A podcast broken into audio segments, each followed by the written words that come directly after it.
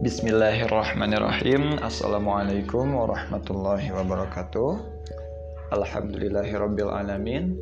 Wabihi nasta'inu ala umuri dunia wa din Wassalatu wassalamu ala sayyidina Muhammadin khatamin nabiin Wa ala alihi wa sahbihi ajma'in. Wa la hawla wa la quwata illa billahil aliyil azim. Nah pada kesempatan kali ini Robi akan membagikan tentang Hal-hal apa saja yang eh, tidak boleh dilakukan seseorang apabila telah batal wudhunya atau tidak memiliki wudhu. Nah ini pantangan-pantangan ini perlu diketahui supaya eh, kita te tidak terjatuh kepada hal-hal yang dilarang. Nah apa aja hal-hal tersebut?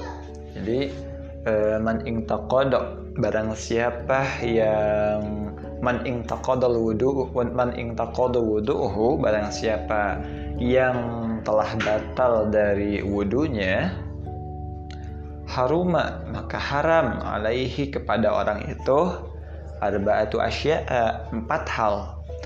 As-salatu salat wa tawafu tawaf wa masul wa masul mushafi dan menyentuh mushaf wahamluhu dan juga membawanya mushaf. Nah, cuman cuman empat aja yang tidak boleh dilakukan oleh orang yang batal wudhunya yaitu tidak boleh sholat. Jelas ya yang pertama nggak boleh sholat sudah dipahami karena salat apa syarat sahnya sholat adalah suci dari adalah suci. Nah sedangkan saat kita batal wudhu berarti kita dalam keadaan tidak suci maka tidak haram sholat. Nah selanjutnya uh, tawaf. Nah tawaf juga sama. Uh, tawaf baik tawaf umroh maupun tawaf haji keduanya sama-sama dilarang sama-sama nggak boleh dilakukan kalau nggak punya wudhu dan yang ketiganya wa, wa mushafi menyentuh mushaf atau Al-Quran ya yang biasa kita pegang nah itu juga nggak boleh.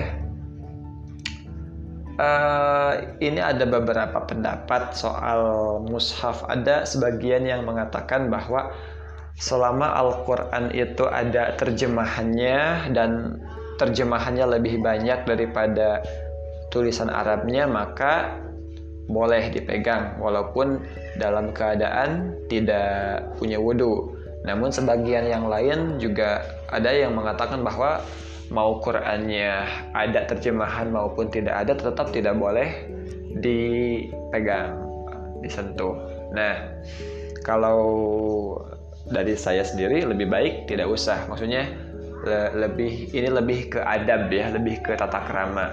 Karena Al-Quran merupakan benda yang dimuliakan benda yang suci benda yang agung maka untuk menyentuhnya kita pun harus dalam keadaan suci. Itu lebih baik gitu dan yang ter terakhir yang keempat uh, menyentuhnya saja tidak boleh apalagi membawanya membawanya ke suatu tempat atau mem ya, membawa membawa memegangnya mau dibawa dibawa ke mana tetap gak boleh ya. Jadi menyentuhnya aja udah nggak boleh apalagi membawanya. Jadi hanya tiga ya pantangan eh hanya empat hal yang tidak boleh dilakukan oleh orang yang batal wudhunya atau tidak punya wudhu yaitu nggak haram sholat, haram tawaf, haram menyentuh mushaf juga haram membawanya.